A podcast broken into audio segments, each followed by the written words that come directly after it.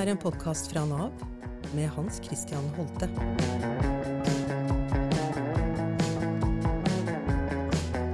Velkommen til Holtes holde. Jeg heter Hans Christian Holte, jeg er Nav-direktør. Og jeg har med meg alltid noen spennende gjester i denne podkasten. Vi snakker litt om eh, velferdssamfunnet vårt. Hva er det som fungerer? Hva er utfordringene? Hvordan påvirker dette livene vi lever? Og i dag så har jeg fått eh, to spennende gjester til å snakke om arbeidslivet, og kanskje særlig arbeidslivet i eh, den eh, siste fasen når vi jobber. Og er det noe vi bør gjøre med den fasen? Bør den fasen bli lengre, rett og slett? Det er, de, eh, det er noe av temaet som vi skal inn på i dag. Da har jeg for det første med meg Mette Bugge, som er journalist og forfatter. Velkommen til deg, Mette. Takk skal du ha. Eh, og jeg har også med meg Anne Grete Solberg, som er organisasjonssosiolog, og som jobber forskning, med forskning på Oslo OsloMet. Velkommen til deg også, Anne Grete. Tusen takk skal du ha. Eh, jeg har lyst til å begynne litt med deg, Anne Grete. Du har skrevet eh, mange bøker. Du har eh, bl.a. Eh, skrevet en bok vi skal gå litt inn i om et øyeblikk. Og så har du også forska mye på eh, de som er mellom 56 og 71 år, og deres eh, opplevelser av eh, arbeidslivet. Så det skal vi komme inn på om et øyeblikk. Men aller først så har lyst til å begynne med den boka som du vel debuterte med. Eh, og det var en bok som eh, het 'Et helt menneske i en halv kropp'. En bok om mestring og viljestyrke. Forklar litt om den tittelen og hva den boka handler om, for det er en ganske personlig historie. Ja, altså eh, Jeg var jo gjennom en jeg vil kalle det personlig krise. Eh, det som skjedde, var at jeg ble skutt. Jeg ble forsøkt drept av min eksmann eh, når vi skulle skrive under skilsmissesøknaden. Det medførte at jeg eh, amputerte armen min og fikk en hofteskade. Jeg ble skutt med hagle. Og her jeg sitter nå, så har jeg altså 300 hagl i kroppen. Det gikk også et langt sykehusopphold eh, etter dette, denne hendelsen eh, her. Uh, og én ting er jo at armen var borte, men noe annet var jo også at jeg hadde store problemer med å gå. Fordi alt utenfor hofteleddet var helt borte, sånn at de skar meg opp på yttersiden av låret og transplanterte muskler opp og transplanterte hud. Og så sier kirurgen og ortopeden at nå har vi gjort så godt vi kan. Uh, vi aner ikke om du kan gå noe mer, men du får lykke til. Og der lå jeg. Og jeg følte jo en enorm håpløshet og tomhet. Jeg var for det første utrolig glad for å overleve.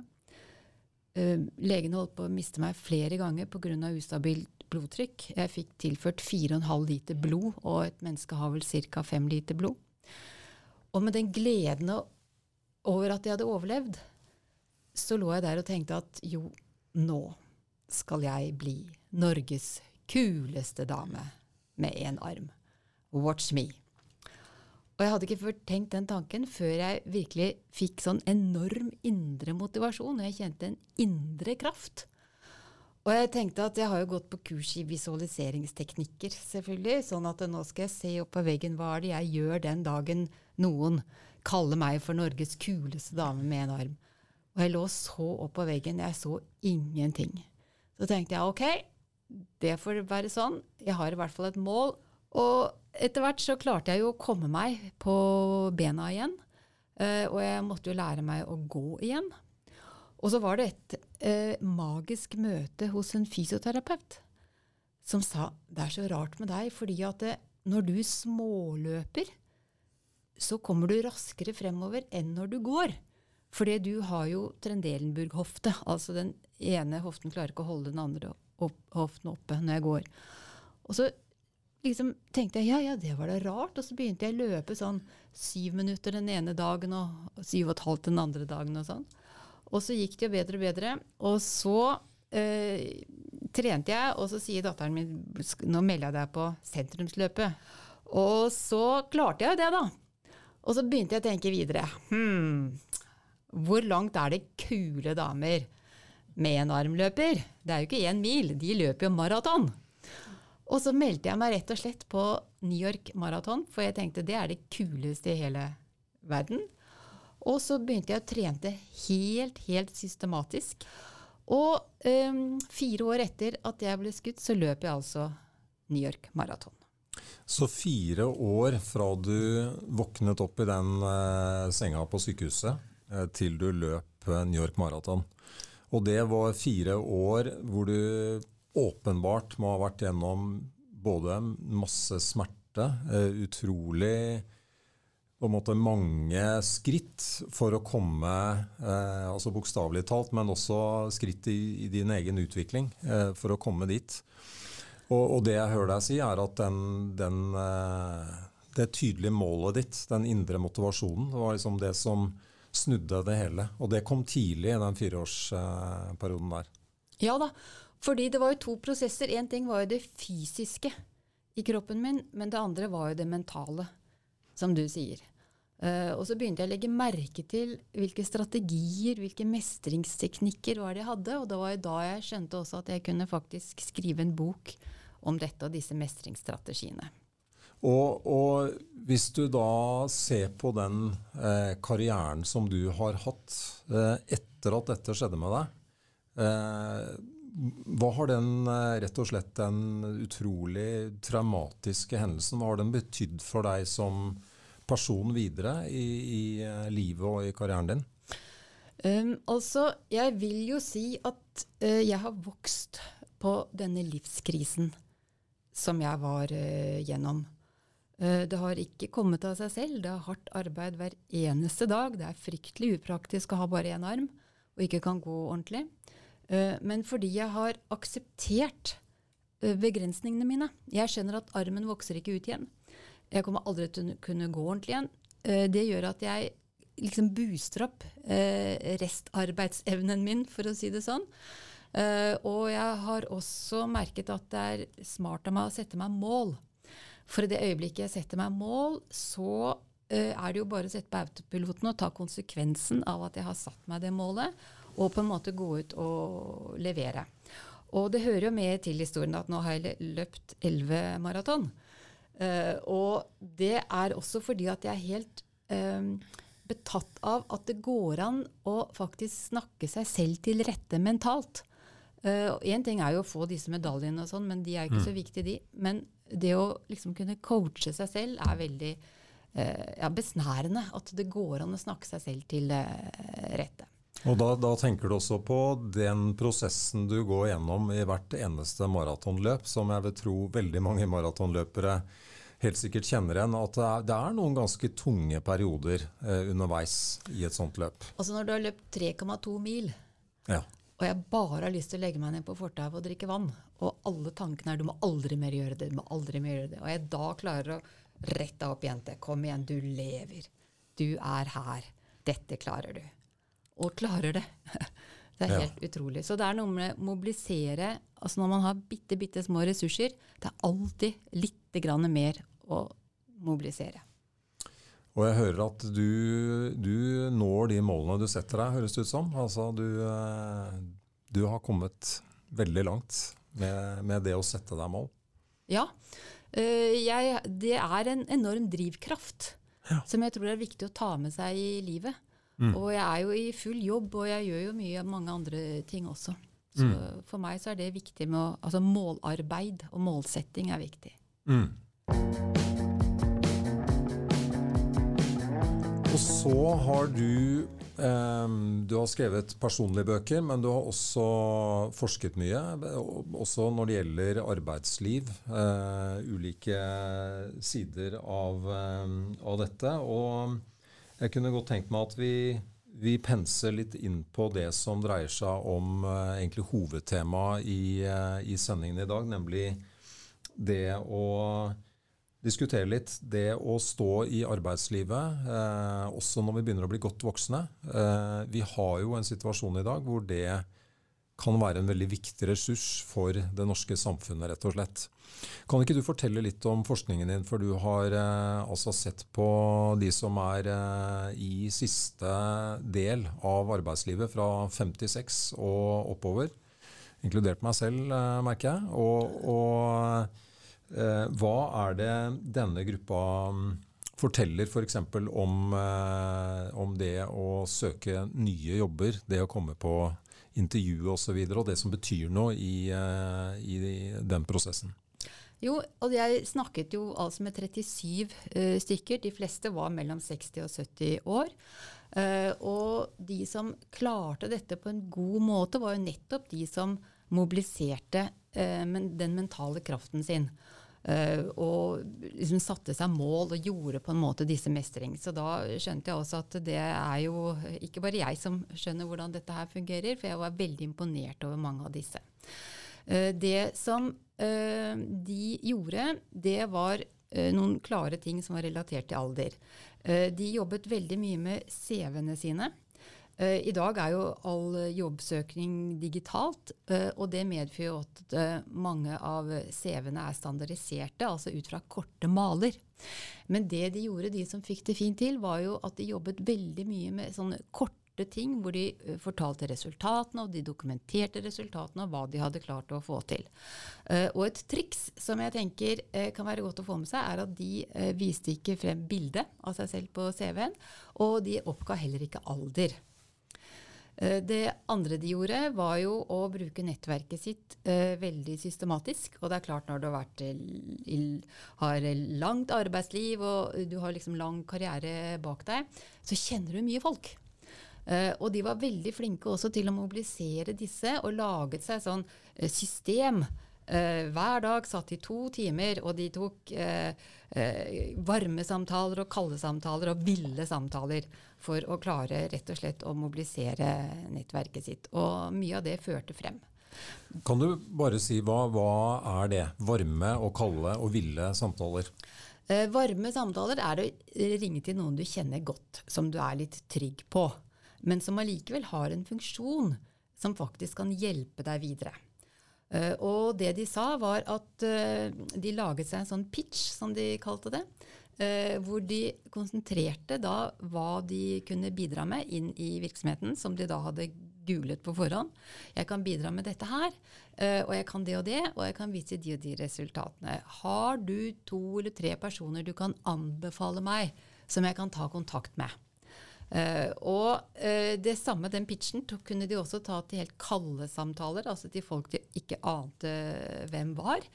Uh, men som de kanskje hadde liksom blitt anbefalt av noen andre. Men også helt ville samtaler. At de kanskje tenkte De så på Dagsrevyen, der vil jeg jobbe!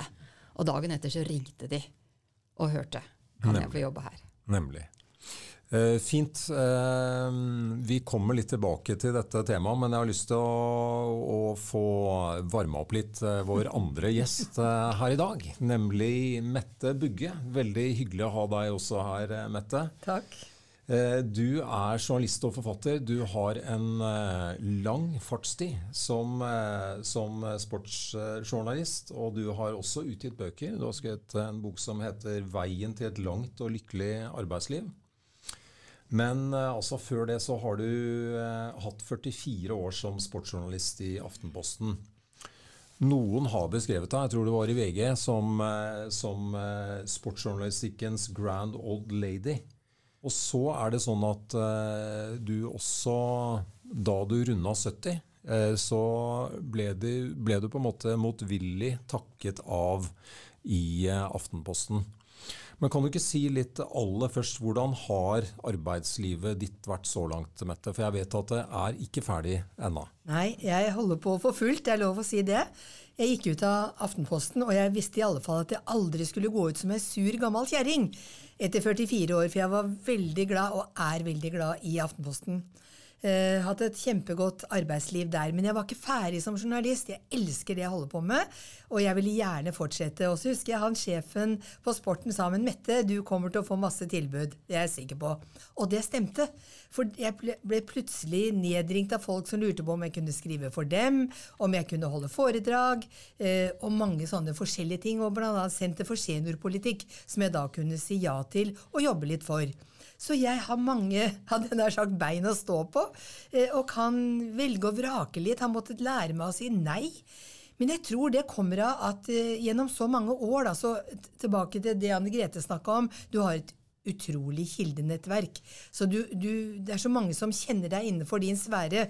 Og Derfor så kan du nå dra veksler på det, da, og du vet bestandig hvem du skal ringe til, bestandig hvem du skal kontakte hvis det er et eller annet. Og jeg tror du jobber mye mer effektivt som senior med lang fartstid. Fordi du da slipper å bruke mye tid på å finne ut av ting. For du vet nøyaktig nå har jeg det oppdraget, det må være ferdig da, jeg leverer alltid før tida. Og, og da vet jeg hva jeg må gjøre for å få til det. Og det tror jeg kommer med erfaring. Og den erfaringen, og du, du satt vel kanskje og følte at du var litt sånn eh, ordentlig på høyden da du nådde 70 år, eh, og det var eh, tidspunktet da du ikke kunne fortsette lenger i Aftenposten. Var det, var det noe som var gitt, at du tenkte at ja, da må det ta slutt? Du kan si, nei, Jeg tenkte jo aldri at det måtte ta slutt, men jeg visste på en måte at det måtte ta slutt i Aftenposten, fordi de har akkurat som Skipsted for øvrig, bedriftsintern aldersgrense. Og i det kommersielle eller næringsliv ellers så er det jo faktisk 72 år som er aldersgrense, men da den regelen kom eh, for noen år siden, så var det mange som skaffa seg bedriftsintern aldersgrense, og jeg sier sånn derre frykten for at seniorer skulle klore seg fast til jobben. Men det, det har godt vært mange undersøkelser på, på det som viser at det er de mest motiverte som er igjen. Alle andre har slutta, og jeg pleier å si at de er av ulike grunner, og det er ikke noe feil å slutte når du er 62, 65 eller 67, fordi vi er forskjellige. Noen har kanskje jobba i industrien fra de er 16 år, og gleder seg til den dagen man har lyst til å gjøre noe annet og andre har helseutfordringer, noen har ei hytte på fjellet de gjerne vil være med oss, eller har lyst til å bli frivillige. Og alt er flott, tenker jeg, men så er det en stadig flere og flere som nå ser at den såkalte tredje alder på jobbmarkedet, den er det flere og flere som jeg håper å si vi utnytter, da, hvis jeg kan si det sånn. Man har ikke bare lyst til å slutte pang etter 40 år, da, eller 44 eller 50 eller 32. Man har lyst til en glidende overgang. Mens jeg har fortsatt for fullt, og, og, det er jo heldig at jeg kan gjøre. For det er jo ikke gitt at alle kan gjøre det heller. Sant. Men nå, nå har du da hatt litt mer sånn type frilansaktivitet, skjønner jeg. De, mm. For nå har du runda 71 også? Ja, nå er jeg mitt 72. år. Ja. Enten jeg vil eller ikke. Så blir jeg 72 i desember.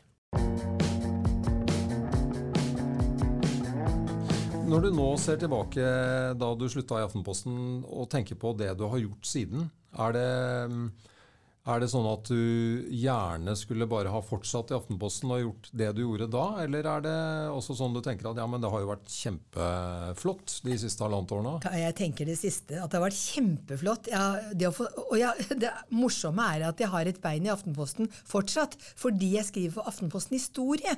For de bruker frilansere, og jeg er en av tre som de jeg kaller virkelig bruker, og er med i eh, en slags sånn redaksjonsråd og sånn, og har fått beholde adgangskortet mitt til Aftenposten, er inne i alle Aftenpostens systemer, så jeg føler jo meg på mange måter som en av dem. Og senest i dag så satt jeg i Aftenposten og skrev historier, for å si det sånn. Og så jeg, men så er det jo ingen som sier at du ikke kan gjøre noe annet, så nå skriver jeg for Hjem og Norsk Ukeblad og holder masse foredrag, f.eks. For så jeg har egentlig full å si full, full, kalender, men fordi du er frilanser, så kan du jo også legge opp til litt fri hvis du i forrige uke måtte jeg være med å pusse båt. Jeg, jeg, kunne liksom ikke si nei, det gidder jeg ikke, kjære mannen min. Da måtte jeg bidra der. Så da måtte jeg si vet du hva, jeg kan ikke denne uka, men neste uke er helt greit. Så, så, så prioriteringsrekkefølgen er litt endra da, fra da du jobba i Aftenposten, kanskje? Ja da, litt endra. Ja. Jeg er jo litt friere, kan du si, men, men, da kan jeg plutselig sitte og jobbe om kvelden, om, om, i, i, en helg f.eks. For, for det er, hvis det er muligheter for det, så går jo det kjempefint. Mm. Så er det jo sånn at i Norge i dag så er det ganske mange stillinger som står ledig. Eh, og vi hadde nylig en bedriftsundersøkelse i Nav. Vi spurte et bredt utvalg av arbeidsgivere, både i offentlig og privat sektor, om eh, i hvilken grad de hadde klart å besette de stillingene de hadde utlyst, og om de hadde fått den kompetansen de var på jakt etter. Og da var det et ganske høyt tall, vil jeg si, eh, som altså er de ubesatte stillingene, eller de stillingene som arbeidsgiverne ikke klarte å dekke opp. Og så er det da på den ene siden den situasjonen at i veldig mange bransjer så er det mange arbeidsgivere som ikke får de folka de ønsker seg, eller de får ikke besatt stillingene sine. Og så er det sånne ressurser som du er, Mette, og som eh, mange andre som er godt voksne er. Har dere noe råd til arbeidsgiverne om eh, hvordan skal de liksom, få øynene opp for, eh, for eh, den gruppa som, eh, som, du representerer, Mette, og, som, eh, som, dere begge egentlig da gjør? Hva, hva, kan de gjøre for å få de gode eldre arbeidstakerne inn i, i jobbene sine? Ja, Tilbake til denne studien da, som jeg gjorde for øvrig for Senter for seniorpolitikk. Eh, så viser det at eh, arbeidsgivere de ble ofte opplevd på en spesiell måte når de skrev annonser. Altså utlysningstekstene eh, som mine seniorer snakket om, de sa det er jo sånn eventyrslott. Skulle tro det var reklameannonser som de skulle ha. De er altså på jakt etter folk med høy kompetanse og lang erfaring og uh, kunne vise resultater. Og så var det et ungt og dynamisk miljø. Og der er det jo en slags kortslutning. Uh, man vil jo ha supermennesker som faktisk ikke finnes. Uh, og det er klart, er det noen som kan fylle ut dette kompetansegapet både i samfunnet og i disse annonsene, her, så er det jo eldre. Eldre er jo gull i denne sammenhengen her. Uh, og så er det jo uh, dette også som eldre sa, det at uh, de ble nok møtt med noen myter. de kunne bli spurt på intervjuene men hvordan er teknologiforståelsen din da? Uh, og da var det jo åpenbart at arbeidsgiver tenkte over det. Men som flere av uh, informantene sa at hallo, det er jo jeg som har utviklet denne plattformen som dere nå bruker hver eneste dag. Jeg har vært i arbeidslivet, jeg er 63 år, men jeg, det er jeg som har uh, liksom holdt på med dette her. Jeg, så jeg tror at det er viktig å revurdere synet på de over 60. Altså jeg skjønner For ti år siden så kunne de nok ikke så mye teknologi, men 60-åringene i dag de er på helt på høyde med andre, veldig mange. Men det er klart, det har jo også noe med interesse å gjøre.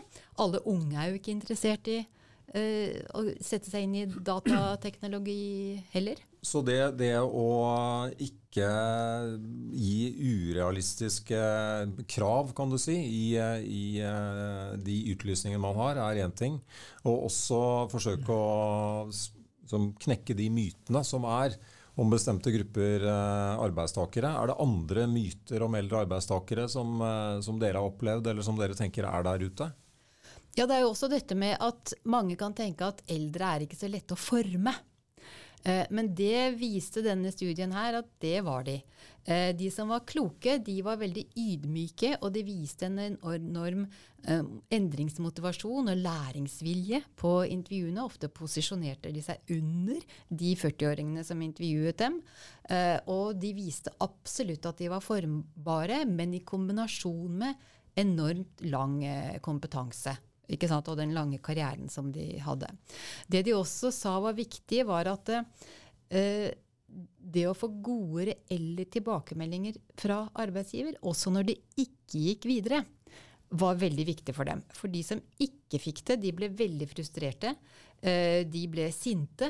Eh, noen av dem eh, liksom anmeldte hele rekrutteringsprosessen videre til offentlige institusjoner og fikk ikke medhold i klager, men brukte masse unødvendig uh, krefter på det. Så alle arbeidsgivere bør gi gode, reelle tilbakemeldinger, som igjen gir mulighet for at du kan gjøre det enda bedre neste gang du er i en jobbintervjusituasjon. Hva med deg, Mette? Har du noen erfaringer i den gata? Ja, jeg tenker at vi må være med å sprenge disse mytene du snakker om. For det er nok litt myter der ute om at hvis du, når du nesten fyller 60 år, så våkner du, og så skjønner du plutselig ingenting. Det er jo ikke sånn, og det, det, det, opplever jo de fleste som etter hvert blir både 62 og 65 og 70 år. Vi, vi, vi skjønner at ansiktet forandrer seg, eh, men, men, inni er vi det samme. Og hvis du greier å følge med, hvis ditt mål er å, å være i arbeidslivet, da, så må du rett og slett henge litt med. Du må, du må tenke at du skal ha inn noe ny kunnskap. Det, det du gjorde for 20 år siden, eller 10 år siden, eller 5 år siden, det holder jo ikke i dag. Du må stadig være litt på hugget. Så jeg mener det er alle muligheter for seniorer som, som vil noe. Eh, det, men selvfølgelig på en jobb så må også seniorer bli regna med, akkurat som 40-åringer og 30-åringer og 50-åringer. Så er det kurs, er det nye ting på gang, så må de også få tilbud om det. Kan ikke være noe sånn nei, han Petter borti hjørnet der, han skal jo slutte om fire år, så han bør vi i hvert fall ikke utdanne noe mer det, det, må være en holdning blant ledere om at alle skal få muligheten til å utvikle seg underveis, og da får man mye, mye mer ut av de ansatte. Og, det er vel, som dere er inne på, det er noe med at eh, det er kanskje en, noe man har også som eldre arbeidstakere som eh, som er positivt, eh, og som ikke så mange unge har. Altså det, er, det, er, noe med at man, eh, man får noen kvaliteter også. Eh, man får noen erfaringer. Ja, det viser seg jo at eldre er stabile i arbeidslivet. Eh, de har ikke syke barn hjemme. De har et rolig privatliv, de er kanskje ferdig skilte osv. Ferdig skilte, det var en ny Den, eh, den, merker jeg meg. Nettopp. Eh, sånn at de er veldig ressurssterke. Eh, og du kan stole på dem. Og mange har jo, om du begynner et sted å jobbe når du er 60, så kan du gjerne ha den jobben i ti år. Slik at det blir ikke fordyrende med unge som ofte er et sted i to-tre år, og så må man ansette på nytt igjen. Og jeg tenker at Du spurte i sted på dette med arbeidsgivere og arbeidsgivere kan gjøre. For det er jo en del myter om arbeidsgivere også. Ikke sant? At de ja, er som med kanskje de eldre arbeidstakerne som er i søkemodus, eh, har? Ja, ikke sant? At de tenker at uh, jeg er jo så gammel, og arbeidsgivere vil jo bare ha unge. Altså de generaliserer arbeidsgivers holdninger. Uh, ja. Og de tenker at jeg blir jo diskriminert bare fordi jeg er gammel. Uh, og denne studien her viser jo at det er jo ikke slik at alle arbeidsgiver er, diskriminerer. Det er faktisk mange som ansetter de som er godt over 60, i store, ansvarsfulle stillinger. Uh, så det er noe man må tenke seg om at man ikke lager uh, sånn selvoppfyllende profeti.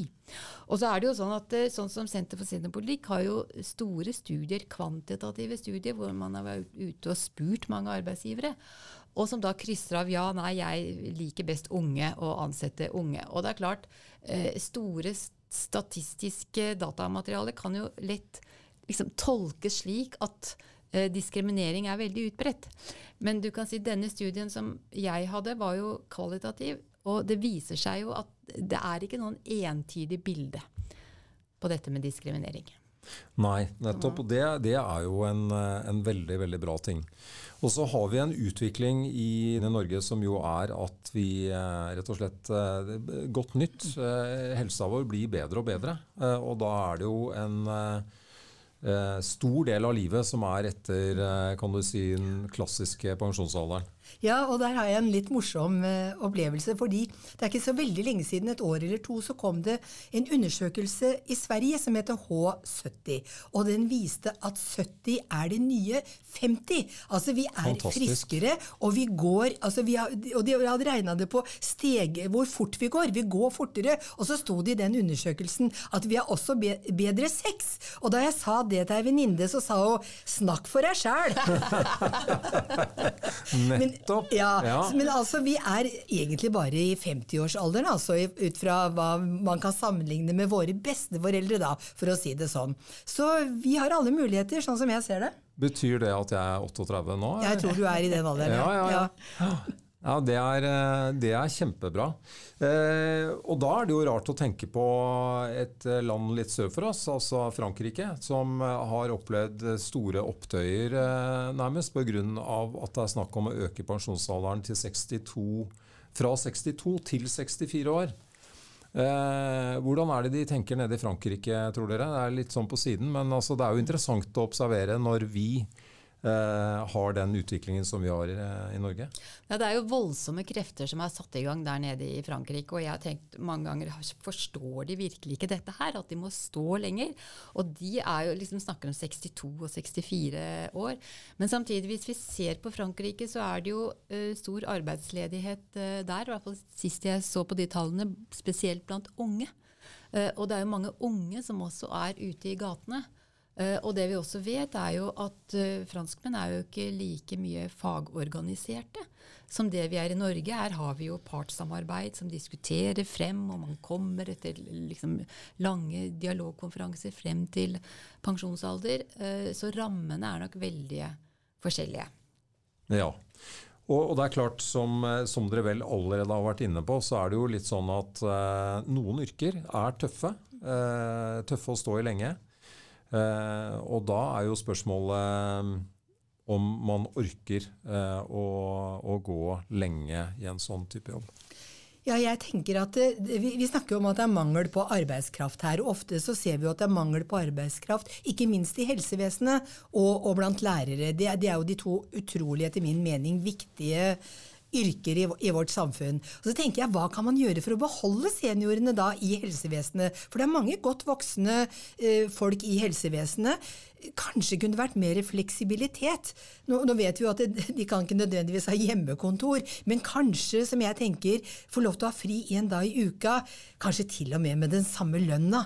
Da, da vil man kanskje beholde masse, masse gode folk, for det er de. De er kjempeflinke. Alle skryter av norsk helsevesen, istedenfor å stadig å få inn nye, som kanskje slutter etter, etter ti, ti år eller fem år. Men selvfølgelig så er det jo ikke noe kamp unge mot eldre her. Det er utrolig utrolig viktig at de unge også kommer inn i arbeidsmarkedet. Men det å beholde seniorene, det har jeg så tro på. Med, med å komme med litt, litt snacks, litt, litt, gode ting man kan gi dem, som gjør at ja, jeg er faktisk motivert til å gå på. Og det siste jeg tenkte jeg skulle si, det er dette med sjefer. Det, det å, å, stimulere sje, sje, å si, seniorene. Det var også en undersøkelse fra en forsker du helt sikkert husker, som heter Anne Inga Hilsen, ikke sant? Som, som kom som et Fortell meg at jeg er ønsket. Og, og, det er det vi alle ønsker å høre på jobben. Gjør du en god jobb, ja, så si det, da.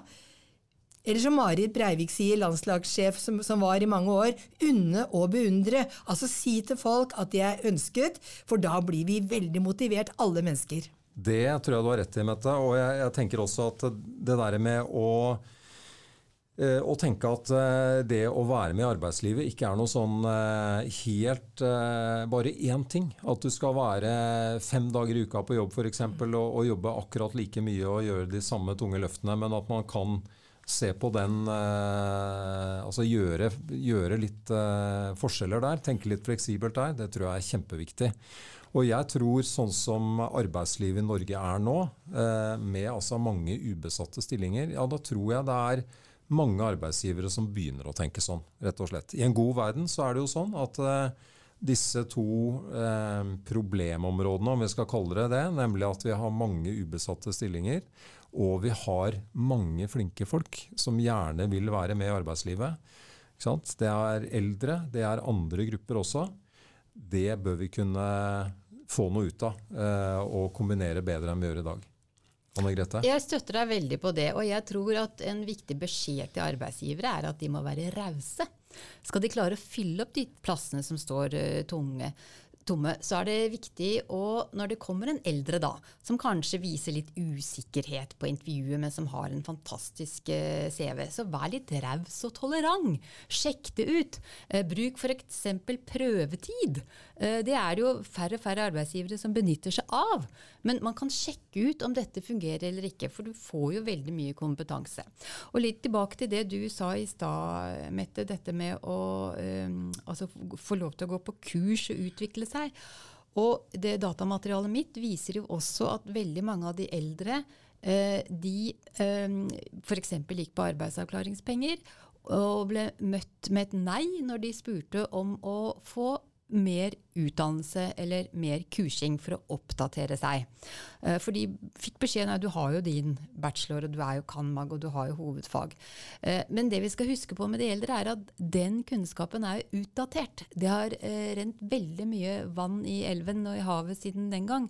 Så jeg tror det også er et viktig signal til politikere å faktisk sette dette på agendaen og bevilge penger til um, altså kursing, ny sertifisering, utdannelse til eldre eldre. Da kommer de som et skudd.